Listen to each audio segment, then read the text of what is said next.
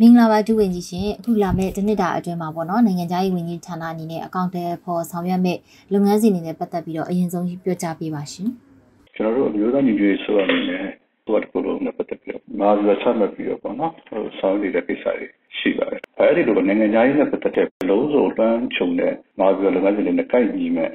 နိုင်ငံခြားရေးနဲ့ပတ်သက်တဲ့တီးခြားဆောင်ရွက်မှာပြီးတော့လုပ်ငန်းစဉ်တွေရေးဆွဲပြီးဆောင်ရွက်ရရှိပါတယ်အဲ့တော့ဒီတစ်နှစ်စာအတွက်ကိုရေပေါ်အဖြစ် မာပြီးတော့ရေးဆွဲပြီးတော့ဆောင်ရွက်ဖို့ဆိုပြီးတော့ပြင်ဆင်နေတာရှိပါတယ်ပြင်ဆင်ပြီးတော့စတင်နေဆောင်ရွက်နေတာရှိပါတယ်ပြီးခဲ့တဲ့ကျွန်တော်တို့6လအတွင်းကသုံးပြီးခဲ့တဲ့မှာပြီးတော့ဒီပုံမှာပဲအခြေခံထားတာရှိပါတယ်သဘောအပြင်ပြောရမယ်ဆိုရင်တော့ဒီအမျိုးသားညီညွတ်ရေးဆိုတော့နိုင်ငံတကာရဲ့အတိအမှတ်ပြုမှုတွေပို့ပြီးတော့ရရှိစေတာဖို့ဆောင်ရွက်တဲ့ကိစ္စတွေရှိမယ်။နောက်တစ်ခါဒီစေအုပ်စုပေါ့လေနိုင်ငံတကာဒီမျိုးစုံနဲ့ဖိအားပေးနိုင်ဖို့ကိစ္စတွေရှိမယ်။ နောက်တစ်ခါကျွန်တော်တို့မျိုးတော်လှန်ရေးအတွက်နိုင်ငံတကာနေပြီးတော့မှအမျိုးမျိုးသောအကူအညီတွေရရှိလာဖို့ကိစ္စကိုလည်းဆက်လက်ပြီးတော့ဆောင်ရွက်တော့မှာဖြစ်ပါတယ်။အဲနောက်တစ်ခုကတော့ကျွန်တော်တို့ဒီစေအုပ်စုကိုနိုင်ငံတကာတရားရုံးတွေမှာပေါ့နော်အရေးယူနိုင်ဖို့ကိစ္စ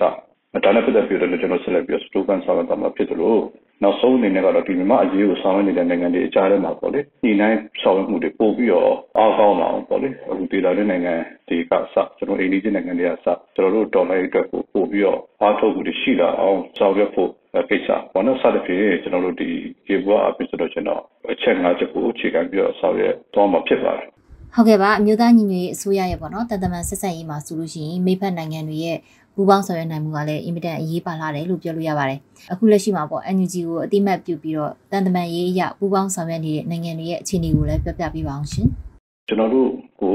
ထောက်ခံအားပေးတဲ့နိုင်ငံတွေနဲ့ပတ်သက်တဲ့ဆိုလို့ရှိရင်တော့မျိုးစားအပြင်ကတော့မျိုးမျိုးခွဲလို့ရပါပေါ့နော်ချို့နိုင်ငံတွေဆိုလို့ရှိရင်လည်းပုံပွင့်နေနေနဲ့ထောက်ခံအားပေးနေတာရှိတယ်ကျွန်တော်တို့လည်းဒါဆက်သွယ်ရှိတယ်ပေါ့နော်ကျွန်တော်တို့ကလည်းတန်ခိုင်တဲ့ဒီတတပိုင်းရေးရဖြစ်ဖြစ်ခြားနည်းလမ်းရဖြစ်စေအကူအညီပေးနေတဲ့နိုင်ငံတွေလည်းရှိပါတယ် အဲတချို့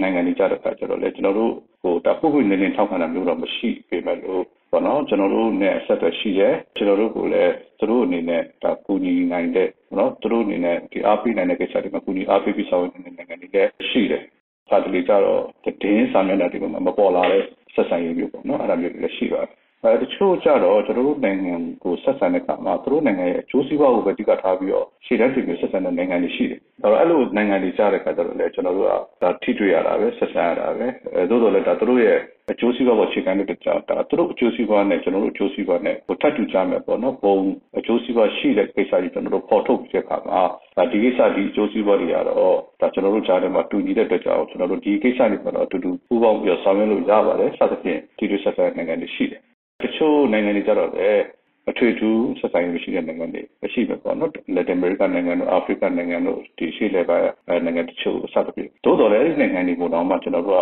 ပေါ့နော်ဂျုံဂျုံတို့ချင်းပတ်ပြီးဆောင်ရွက်ရတာမျိုးလည်းရှိတယ်အဲတချို့နိုင်ငံတွေကြတော့လည်းစစ်ကောင်စီဘက်ကနေပြီးတော့မှဒါရက်တီရဲ့ပေါ့နော်စစ်ကောင်စီဘက်ကရှိတယ်အဲ့လိုပြောလို့ရတဲ့နိုင်ငံမျိုးတွေလည်းရှိကြတယ်ပေါ့လေ ဟုတ်ကဲ့ပါရှင်ဆရာအခုနပြောသလိုပေါ့နော်နိုင်ငံအသီးသီးရဲ့ဆက်ဆံရေးကိုကြည့်မယ်ဆိုလို့ရှိရင်ပေါ့ NUG ကိုထောက်ခံကူညီနေတဲ့သူတွေရှိတယ်လို့ပဲစစ်ကောင်စီဘက်ကရင်းနေတယ်လို့သုံးသပ်လို့ရတဲ့နိုင်ငံတွေလည်းရှိပါတယ်ဘလို့ပဲပြောပြောပေါ့နော် NUG ကနေပြီးတော့စစ်ကောင်စီနဲ့ဆိုင်တန်တမန်ရေးမှာပေါ့ပေါ့မြောက်မြောက်ရှိနေတဲ့အနေအထားကတော့သိကြပါတယ်ဒီလိုအနေအထားမှာပေါ့နော်ဆရာတို့အနေနဲ့နိုင်ငံအလိုက်ဆက်ဆံရေးတွေမှာဘလို့မျိုးနီးလန်းနဲ့ချင်းကပ်လှုပ်ဆောင်နေပါလဲဘလို့အခက်အခဲတွေရောရှိနေပါလဲရှင် အဲ့တော့ဒီလိုမျိုးနိုင်ငံတွေရဲ့အနေအထားတွေကတော့အမျိုးမျိုးရှိတယ်အဲ့တော့ကျွန်တော်တို့ကလည်းအဲ့ဒီနိုင်ငံတွေရဲ့အခြေအနေလိုက်ကျွန်တော်တို့ရဲ့ဆက်ဆံရေးပုံစံကိုလည်းအမျိုးမျိုးခွဲပြပြီးတော့ပုံစံမျိုးမျိုးနဲ့ဆက်ဆံဆောင်ရွက်ရတာရှိပါတယ်အဲ့တော့ကျွန်တော်တို့မျိုးဆက်ညီတွေဆိုတော့နိုင်ငံတကာအတိအမှတ်ပြုမှုပိုရလာလို့ဆိုလို့ရှိရင်ဒါစောစောပြောတဲ့နိုင်ငံတနိုင်ငံချင်းအလိုက်ခြေပြုပြီးချင်းကပ်တဲ့အပြင်ကိုကျွန်တော်တို့နိုင်ငံစုံအဖွဲ့အစည်း အရာချင်းကတဲ့ပြပါအောင်လဲသုံးရတာလည်းရှိတယ်ပေါ့လေအဲဥပမာဖြစ်ကုလသမဂ္ဂဆိုလို့ရှိရင်လည်းဒါဒါကုလသမဂ္ဂလုံခြုံရေးကောင်စီဆိုရင်လည်းဒါသူ့ရဲ့အဖွဲ့ခွဲနိုင်ငံတွေရှိမယ်ဒါကုလသမဂ္ဂရဲ့အဖွဲ့အစည်းတွေလည်းရှိတယ်ဥပမာဖြစ်လူ့ခွင့်ကောင်စီလိုမျိုးပေါ့နော်အပြီးဆိုင်ရာလုံသမားဖွဲ့ချုပ်လိုကမ္ဘာ့ကျန်းမာရေးအဖွဲ့စသဖြင့်ဒီလိုအဖွဲ့အစည်းတွေဆိုလို့ရှိရင်လည်းကျွန်တော်တို့ချင်းကဆောင်ရတာရှိတယ်အဲနောက်တစ်ခါနိုင်ငံစုဖွဲ့ပေါ့နော်ဒါကျွန်တော်ဒေတာနဲ့နိုင်ငံဆိုလို့ရှိရင်အားလုံးသိတဲ့အတိုင်းပဲ ASEAN ပေါ့ South Asia Nations Association ပေါ့လေဒီ ASEAN နိုင်ငံတွေရှိတယ်ဒါကဥရောပ သမဂ္ဂရှိမယ်နောက်တစ်ခါ OIC ပေါ့နော်ဒီ Islamic နိုင်ငံတွေရဲ့အစုဖွဲ့တွေရှိမယ်စသဖြင့်ပေါ့လေဒီလိုမျိုးနိုင်ငံဒီ ပေါင်းစုံထားတဲ့အဖွဲ့အစည်းတွေနဲ့လည်းကျွန်တော်တို့ထိတွေ့ပြီးတော့ဆက်ဆက်ဆောင်ရွက်တာတွေလည်းရှိပါတယ်။အဲ့တော့အဲ့ဒါအပြင်ကိုကျွန်တော်တို့အနေနဲ့ကတက်နှစ်တိုင်းပေါ့လေစောစောပြောတဲ့ကုလသမဂ္ဂနဲ့ပတ်သက်လို့ပဲဖြစ်ဖြစ်အဲကျွန်တော်တို့နိုင်ငံအစုဝေးတွေစုဖွဲ့စည်းတွေနဲ့ပတ်သက်လို့ပဲဖြစ်ဖြစ်သူတို့ရဲ့ဒီညီလာခံတွေရှိတယ်နှစ်စဉ်ပေါ့နိုင်ငံတကာညီလာခံတွေအစည်းအဝေးတွေရှိတယ်ဒါမျိုးအစည်းအဝေးတွေဆိုလို့ရှိရင်ကျွန်တော်တို့ကဒါချင်းကပ်ပြီးတော့ကျွန်တော်တို့နိုင်ငံအတွက်ပေါ့နော်တစုံတရာဆုတ်ဖြတ်ချက်တွေပါဝင်နိုင်အောင်ပေါ့နော်နောက်တစ်ခါကျွန်တော်တို့ကိုယ်တိုင်လည်းအစည်းအဝေးကိုတက်ရောက်နိုင်အောင်ဒီဝေးမတက်ရောက်နိုင်တဲ့အစည်းအဝေးတက်ရောက်သူများကတည်းကကျွန်တော်တို့သတင်းစကားတွေ ပါနိုင်အောင်ကျွန်တော်ကြိုးစားရတာရှိတယ်အဲနောက်တစ်ခုအမျိုးသားညီညွတ်ရေးဆိုရရဲ့ပူစားပြုမှုဒီတိမပြုမှုတို့ကိုပို့ပြီးတော့ညှင့်တင်နိုင်ဖို့ပေါ့နော်အဲ့ဒီအစည်းအဝေးတွေနဲ့ပတ်သက်ပြီးတော့ကျွန်တော်တို့ကဒါသဘောထားကြေညာချက်တွေထုတ်ပြန်ကြေညာမှုတွေအဲနောက်တစ်ခါကျွန်တော်တို့ရဲ့ကိုစားပြုမှုနဲ့ပတ်သက်တဲ့တရားဝင် credential ပေါ့ဒါတွေကိုကျွန်တော်တို့ပေးပို့ရတာတွေစသဖြင့်ဆောင်ရွက်ရတာတွေရှိပါတယ် အဲ့ဒါတွေကတော့ကျွန်တော်တို့နိုင်ငံတကာမှာကျွန်တော်တို့ရဲ့ရက်စီချက်တွေကျွန်တော်တို့သဘောထားတွေကျွန်တော်တို့ရဲ့သတင်းစကားတွေနိုင်ငံတကာပို့ပြီးသိတော့နိုင်ငံတွေပို့ပြီးတော့ရရှိလာအောင်အဲဒီကတည်းကကျွန်တော်တို့နဲ့ပေါ့နော်ပို့ပြီးရင်းနှီးမှုဆက်ဆံမှုတွေပို့ပြီးတော့မြင့်တက်လာအောင်အဲဒီကတည်းကကျွန်တော်တို့ထောက်ပံ့မှုတွေပိုရရှိလာအောင်ကျွန်တော်တို့ကိုအတိအမှတ်ပြုမှုလည်းပို့ပြီးရရှိလာအောင်ဆောင်ရွက်ရတဲ့လုပ်ငန်းဖြစ်လာ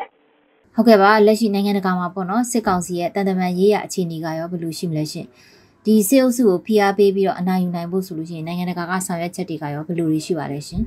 စေအုပ်စုကိုဒါနိုင်ငံတကာနဲ့ပြီးတော့မှညီမတို့သုံးပြီးဖိအားပေးတဲ့မှုကိစ္စလည်းစ조사ရတာရှိတယ်ဒီစေအုပ်စုကိုနိုင်ငံပြားပြားကအထူးသဖြင့်ဒီဒီမိုကရေစီတဲ့လူခွေစံနှုန်းတွေလေးစားတဲ့နိုင်ငံတွေကတော့ဒါတန်တမာရေးနော်စီးပွားရေးကဏ္ဍရေးအပိတ်ဆို့ရေးယူမှုတွေကိုအမျိုးမျိုးပြုလုပ်နေတာတွေ့ရပါတယ်အဲ့တော့အဲ့လိုရေးယူမှုတွေကိုပို့ပြီးတော့ဒါထိရောက်ဖို့ပေါ့နော် နောက်ပြီးအဲ့လိုရေးယူဆောင်မှုတွေကလည်းတနင်္လာချင်းမဟုတ်ဘဲနဲ့နိုင်ငံတွေစုစည်းပြီးတော့ပေါ့လေပူပေါင်းညှိနှိုင်းဆောင်မှုဖြစ်လာဖို့ကိုလည်းဒါတစ်ဖက်ကကြိုးစားတာလည်းရှိပါတယ်အဲအဲ့ဒီလိုပူပေါင်းညှိနှိုင်းဆောင်ရွက်မှသာလည်းဒါစစ်ကောင်စီကမလက်တွေ့အားဖြင့်တက်ရောက်မှုပိုပြီးရှိမှာပေါ့နော်အဲ့ဒီလည်းကြိုးစားတယ်နောက်တချို့နိုင်ငံတွေကျဆဲဆူကိုဒါရေးယူဖို့တော့ရှိတယ်ဒါပေမဲ့ဘလို့ လက်တွေ့အားဖြင့်ရေးယူရမှာဆိုတော့မသိသေးတဲ့နိုင်ငံတွေရှိတယ်။ဒါမျိုးကိုလည်းကျွန်တော်တို့ထိတွေ့ပြီးတဲ့အခါကျတော့ဘယ်လိုရေးယူလို့ရတယ်ဘယ်လိုအဖြစ်တော့ပြပေးလို့ရတယ်ဆိုတာမျိုးတွေကိုကျွန်တော်တို့ထိတွေ့စ조사ရတာရှိတယ်။အဲ့တော့လက်ရှိ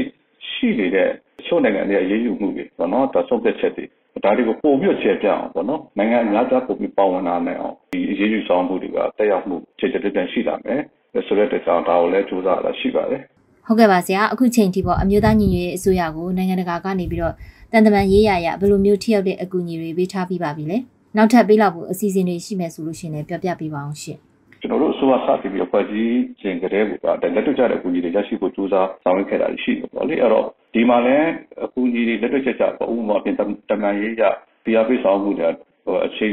ပို့ပြီးတော့မြင့်လာတယ်တင်ပြီးတစ်ဆင့်ပို့ပြီးတော့တိုးတက်ပြီးတော့ရေးယူဆောင်တာတွေဒါလက်တွေ့ကျကျပေါ့နော်ဒါအကူအညီဖြစ်တဲ့ကိစ္စတွေရှိလာတယ်အဲ့ဒီလိုပဲတခြားပေါ့လေဥပမာငွေကြေးအဖြစ်ဒီပညာပစ္စည်းပစ္စည်းကဒါလုတ်ပိုင်ခွင့်ပေါ့နော်ဒီလို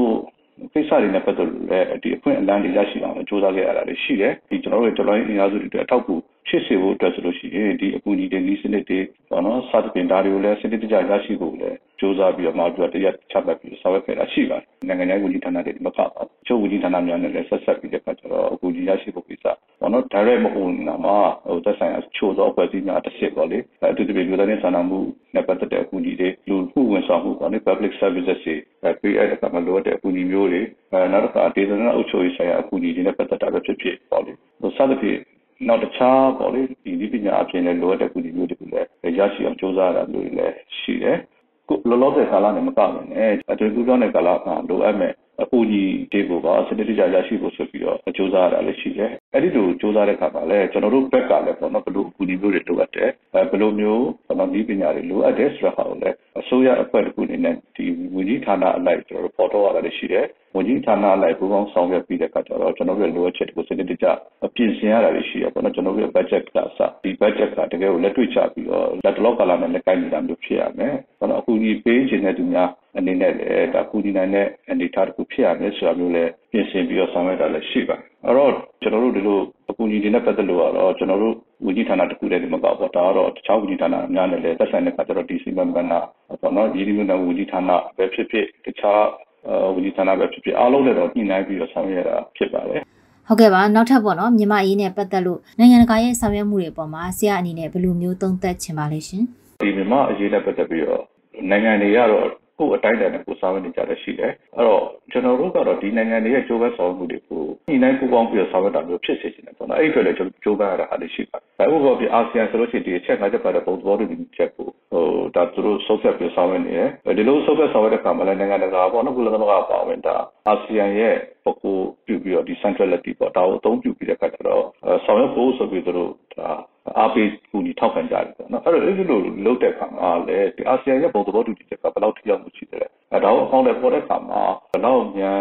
လက်တွေ့ကြကြပေါ့နော်အကောင့်တွေပေါ်နေတဲ့အခြေအနေရှိတယ်လေဒါတွေကိုပြန်လည်သုံးသပ်ဖို့လိုတယ်ဒါမျိုးဆိုလို့ရှိရင်ကျွန်တော်တို့အာဆီယံလည်းချင်းကရတယ်နိုင်ငံတကာလည်းချင်းကရတယ်အဲ့တော့အာဆီယံကိုယ်တိုင်ကလည်းဒီ channel ပတ်သက်ပြီးတော့ဒါလက်ခံရတဲ့အခြေအနေမှာဒါအာဆီယံနဲ့မကပဲတခြားသောနိုင်ငံတွေကပူးပေါင်းပြီးတော့ပေါ့လေအာဆီယံ plus ပေါ့ ဒီလိုမျိုးလက်တွေ့ကြကြညှိနှိုင်းဆောင်ရွက်ဖို့လိုနေပြီပေါ့အဲ့တော့ဒါနဲ့ပတ်သက်ပြီးတော့လည်းမြန်မာအရေးကိုဒါပြည်လေစုခြေလိုတဲ့နိုင်ငံတွေရှိတယ်မြန်မာအရေးနဲ့ပတ်သက်ပြီးအဖြေတစ်ခုရနိုင်ဖို့ဒီဟာကတော့အားလုံးကလိုလားကြတယ်ဒါပေမဲ့ဒီလိုအဖြေရဖို့တက်ဖို့အားလုံးကညှိနှိုင်းပြီးဘယ်လိုဆောင်ရွက်မလဲဆိုတာဒါအရေးကြီးပါတယ်အဲ့တော့ဒီကိစ္စနဲ့ပတ်သက်ပြီးလည်းကျွန်တော်တို့ဆောင်ရွက်နေတာတွေရှိတယ်ဥပမာပြင်ဒီလိုမျိုးကြိုးစားတဲ့အခါမှာဒါမြန်မာကနေဥဆောင်တဲ့ process ပေါ့နော်မြန်မာ led process of ဖြစ်ရမယ်မြန်မာလို့ပြောတဲ့အခါမှာအဓိကမြန်မာပြည်သူလူထုပေါ့မြန်မာပြည်သူလက်ခံနိုင်တဲ့မြန်မာပြည်သူကနေပြီးတော့မှ သဘောကျပြီးတော့မှဥဆောင်တဲ့ဖြည့်ရှင်းမှုပုံစံမျိုးလည်းဖြစ်ရမယ်အဲ့တော့ဒီမှာစစ်တပ်ကနေပြီးတော့နိုင်ငံရေးမှာပေါအောင်မှုကလုံးဝကျွန်တော်တို့မလိုလားတော့ဘူးအဲ့ဒါဒီစစ်တပ်ပေါအောင်မှုအခြေခံထားတဲ့ကိစ္စတွေကတော့ဘလုံးမှကျွန်တော်တို့စဉ်းစားလို့မရတော့ဒါနိုင်ငံနဲ့အနေနဲ့ဒီကိစ္စဟိုလေးနဲ့တတိထားရမယ်လက်ထောက်ရှိရှိကံဥပဒေကိုပြန်ပြီးအသက်သွင်းမဲ့ကိစ္စမျိုးတော့နိုင်ငံတကာကနေဆောင်ရွက်တဲ့ကိစ္စမျိုးတော့မဆောင်ရွက်မဆောင်ရွက်ဖို့လိုမယ်ပေါ့နော်အဲ့တော့နောက်ပြီးတော့ဒီအင်အားစုတွေအားလုံးပေါင်းမယ်ခုနဲ့ပတ်သက်တာလည်းဒါလည်း အရေးကြီးတယ်ပေါ့လေဒီအာဆီယံရဲ့အထူးကိုယ်စားလှယ်ဆက်ဆံတဲ့ဟိုထိတွေ့ဆက်ဆံမှုဆိုရင်ကျွန်တော်တို့နဲ့မတွေ့တာဆက်ဆံတာမျိုးတွေရှိတယ်ဒါမျိုးတွေဖြစ်လို့မရဘူးဟို sub ဖြစ်ပေါ့နော်ဒီနောက်ပြီးတော့ကျွန်တော်တို့ကဒီ accountability နဲ့ပတ်သက်တဲ့ကိစ္စတွေလည်းကျွန်တော်တို့နိုင်ငံတကာအနေနဲ့စဉ်းစားရမယ် impunity ပေါ့ impunity ဒါနဲ့ပတ်သက်ရင်ကျွန်တော်တို့ကတော့ transitional justice လို့ခေါ်တဲ့ဒီအသေးကူးပြောင်းမှုကလာတရားမျှတမှုအစီအစဉ်တွေကိုစဉ်းစားနေတာရှိတယ်ဒါတွေကိုလည်းနိုင်ငံတကာကနေပြီးတော့မှဒီမှာအရေးကိုဖြေရှင်းမယ်ဆိုလို့ရှိရင်အလေးနဲ့တတိထားပြီးတော့ဆောင်ရွက်မှာဖြစ်ပါတယ်